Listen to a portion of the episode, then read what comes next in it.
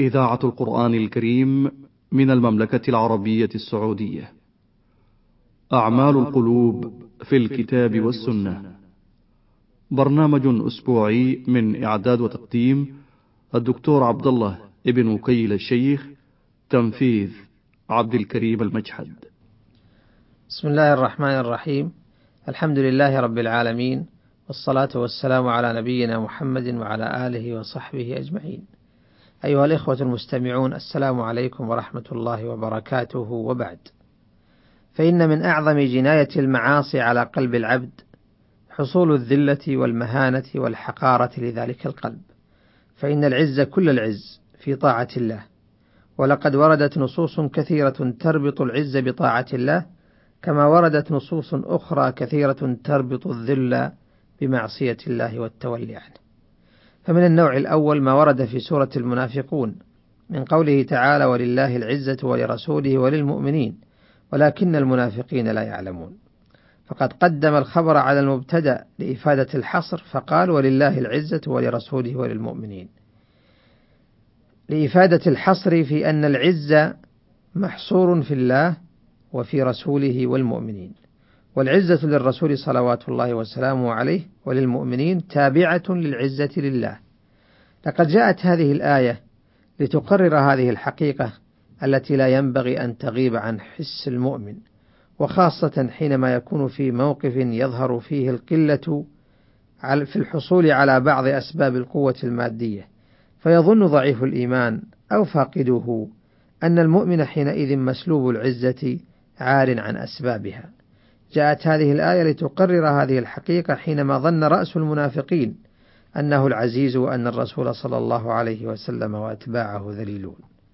روى البخاري عن زيد بن أرقم قال: كنت في غزاة فسمعت عبد الله بن أبي يقول: لا تنفقوا على من عند رسول الله حتى ينفضوا من حوله، لئن رجعنا من عنده ليخرجن الأعز منها الأذل. فذكرت ذلك لعمي أو لعمر فذكره للنبي صلى الله عليه وسلم فدعاني فحدثته فأرسل رسول الله صلى الله عليه وسلم إلى عبد الله بن أبي وأصحابه فحلفوا ما قالوا. فكذبني رسول الله صلى الله عليه وسلم وصدقه. فأصابني هم لم يصبني مثله قط. فجلست في البيت فقال لي عمي ما أردت إلى أن كذبك رسول الله صلى الله عليه وسلم ومقتك؟ فأنزل الله تعالى إذا جاءك المنافقون فبعث إلي النبي صلى الله عليه وسلم فقرأ فقال إن الله قد صدقك يا زيد. وقد ورد بسط هذه القصة في كتب السير وأن عبد الله بن أبي نطق بجرا من القول حتى كان فيما قال والله ما مثلنا وجلابيب قريش هذه يقصد النبي صلى الله عليه وسلم والمهاجرين إلا كما قال القائل سمن كلبك يأكلك. والله لئن رجعنا إلى المدينة ليخرجن الأعز منها الأذل. ثم أقبل على من عنده وقال هذا ما صنعتم بأنفسكم. هذا ما صنعتم بأنفسكم. أحللتموهم بلادكم وقاسمتموهم أموالكم. أما والله لو كففتم عنهم لتحولوا عنكم من بلادكم إلى غيرها. وقد جاء هذا التقرير لهذه الحقيقة في انحصار العزة في الله وانحصار تحصيلها في طاعة الله في قوله تعالى أيضا من كان يريد العزة فلله العزة جميعا قال ابن كثير من كان يحب أن يكون عزيزا في الدنيا والآخرة فليلزم طاعة الله فإنه يحصل له مقصوده لأن الله تعالى مالك الدنيا والآخرة وله العزة جميعا ولقد عاب الله عز وجل مسالك المنافقين في انسلالهم من صفوف المسلمين وتوليهم لأعدائهم الكافرين طلبا للعزة وابتغاء للنصرة وذلك ضلال في المسلك كما أنه قبل ذلك, قبل ذلك ضلال في الرأي. ولهذا جاءت الآية بصيغة الاستفهام الاستنكاري بشر المنافقين بأن لهم عذابا أليما. الذين يتخذون الكافرين أولياء من دون المؤمنين أيبتغون عندهم العزة؟ فإن العزة لله جميعا. لم يتخذ هؤلاء المنافقون الذين يزعمون الإسلام الكافرين أولياء أهم يطلب لما يتخذ هؤلاء المنافقون الكافرين أولياء؟ أهم يطلبون العزة والقوة عند الكافرين؟ لقد استأثر الله عز وجل بالعزة فلا يجدها إلا من يتولاه ويطلبها عنده ويركن إلى حماه. فما يستعز مؤمن بغير الله وما يقوى وينتصر بغير الله فطلب الولاية والعزة من الكافرين من أعظم أسباب الذل. وقد أثبت التاريخ لأولئك المنافقين ذلة أولئك الكافرين الذين كانوا يطلبون عندهم العزة فهم بين مقتول ومطرود من دار الإسلام في أجلى صور الذل في أجرى في أج في أجلى صور الذل وأمر مواقف الهزيمة. فظهر لمن كان طالبا للحق مصداق قوله تعالى فإن العزة لله جميعا. هذه العزة لقلب المؤمن تحميه من أن ينكسر أو يهن حينما يكثر لغط المنحرفين من حوله فيطلقون عليه النعوت المنكرة أو يصفونه بالأوصاف الشنيعة في دينه ودنياه. وقد جاء هذا التوجيه لرسول الله صلى الله عليه وسلم حينما كان أعداؤه يثيرون من حوله الريب ويكثرون من حوله التهم فخاطبه ربه مثبتا ومقوما ومقويا ولا يحزنك قولهم. إن العزة لله جميعا هو السميع العليم. وما انحصار العزة في الله إلا لتمام ملكه وسعة سلطانه وقهره لمن شاء من عباده. وإذا كان الله موصوفا بهذا ونحوه فلا عزة إلا له ولا عزة إلا بهبته ومنحته. ألا إن لله ما في السماوات والأرض. وفي المقابل نجد أن الله عز وجل ربط الذل بمعصيته في آيات كثيرة وقرر قاعدة عامة في ارتباط الذل بالمعصية فقال تعالى في سورة المجادلة إن الذين يحادون الله ورسوله أولئك في الأذلين. فهذا خبر من الله وخبره صدق وحق أن المعاندين لدين الله المشاقين لشريعة الله هم الأذلون الصاغرون الأشقياء المبعدون المطرودون عن كل خير في الدنيا والآخرة. فالذل في قلوبهم وأبدانهم وأحوالهم. وتاريخ دعوة الله يوضح هذه الحقيقة.